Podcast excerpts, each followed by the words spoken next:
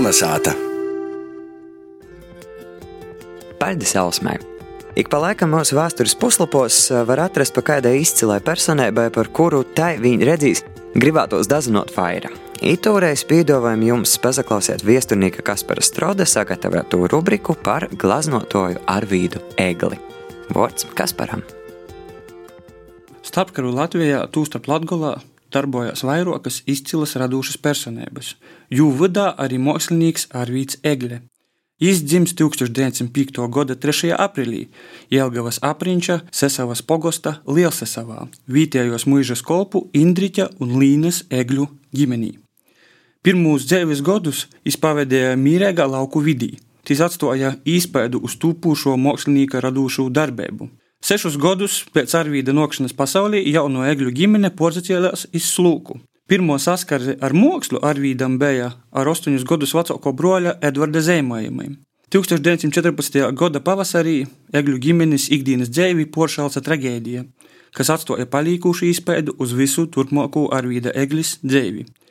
Arvīda broļs Edvards pabeidza gimnāziju, jī kopā ar saviem draugiem, ar tāva vecu airu laivu devās izbraucienā pa Līlupi. Brauciena laikā notika nelaime. Laiva nogrima un no draugu kompānijas dzēvs palika tikai Arvīts. 1915. gada vasarā, tuvojoties Vācu karaspēkam, Egļu saimē pameta lūku un nonāca Riezeknī. Drīz vien Arvīts uzsāka skolas gaitas vietējā tirzniecības skolā. Zemiešanai es atkal pīzaviesās, kad mote jām pasniegusi broļa zemētus darbus, par ko pats Arvīts izsacījis. Tas man bija liels posteigums un prīks. Turpmāk es to darīju, kā kopēju un porzīmēju tos. 1920. gadā es izstojos tikko dibinotajā Rieziknis Latviešu vidusskolā. Starp skolas pasniedzējiem bija diekainais eh, mākslinieks Francisks Varslavāns. Arvīts vicējās kopā ar Franciska broļi un tūpūšu Latgaļas teātra vadētoju Antonu Varslavānu. Francisks Varslavāns jau iepazīstināja ar mākslas pasauli un sevišķi ar eļļas gleznošanas tehniku. Kad Francisks pameta riezekni, par jauno Arvīda zemiešanas skolotāju kļuva Alberts Filka. 1926. gadā tūpošais mākslinieks pabeidza gimnāziju, taču stošanās akadēmijā jaunajā māksliniekā radīja šaubas. To ietekmēja arī ģimenes grūtais finansiālais stāvoklis. Liktenīga izaviersās, jo tikšanos ar pazīstamo latviešu ainavistu Vilhelmu Purvēti. Mākslas akadēmijā izstudēja pie tādiem mākslas līdzpratējiem kā Valdemārs Tone, Konrāds Ubāns, Ludovs Liberts un daudzi citi. Studiju gados Arvīts darbojās Vilhelma Purvēša dabasskotu darbnīcā. 1932. gadā Arvīts aizstāvēja savu diplomu darbu Latgolas mazpilsētā. Šo ideju jam īsacēja attīstīt tieši Vilhelms Purvēts. Lai arī Arvīts Egle bija purvēša audzieknis, viņš tomēr nekļuva par tipisku ainavistu, bet pīzaviesās arī dzēnas atzēves, portreta, klusos dabas un citiem žanriem. Arvīda pirmo izstāde Orpus akadēmijas notika 1933. gada janvārī. Timā pašā gadā jau īsauca dienestā 9. Riezeknas kojnieku pulkā. Pēc studijām Arvīts Eglis strādāja par zemēšanas skolotāju Riezeknas pilsētas 1. un 2. pamatskolā. 30. gadu vadā kopā ar saviem kolēģiem Vitāliju Kalvānu un Francisku Varslavānu aktīvi organizēja Riezeknis mākslas dzēvi un izveidoja vietējo mākslinieku kūpu.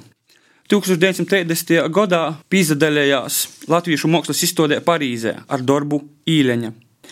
Viens no meļākajiem Arvīda eglis gleznošanas objektiem bija Riezeknis tirga laukums, kuru izpoškatēm redzēja no savas darba vietas Riezeknis pamatškolas telpām.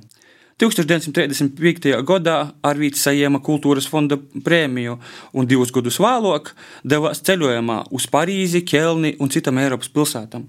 30. gados Arvīda Eglis darbi tika eksponēti izstādēs Vīnē, Budapeštā, Kopenhāgenā, Londonā un citos Eiropas pilsētos. Es turpināju mākslinieku darbu gan padomju, gan arī nacistu okupācijas gados. Strādāju par mākslas vēstures un zemēšanas pasniedzēju Riezignas valsts skolotāju institūtā. Pirms kara 1938. gadā es izveidoju arī pazīstamu autoru gleznu Kristus Nūmirina Vātru, kura tika izvietota jaunajā Rieziknas Lutāņu baznīcā. Šo altāru gleznu atjaunoja 2002. gadā. Kopš 45. gada Arvīts strādāja Mākslas akadēmijā, vēlāk kļuva arī par zemēšanas katedras vadītāju. Godu vēlāk Arvīdu uzņēma Latvijas PSR Mākslinieku savienībā. Izcilo mākslinieka mūžs apsarovās 1977. gada 20. novembrī. Viņš tika apbedēts Slūkas kopūs.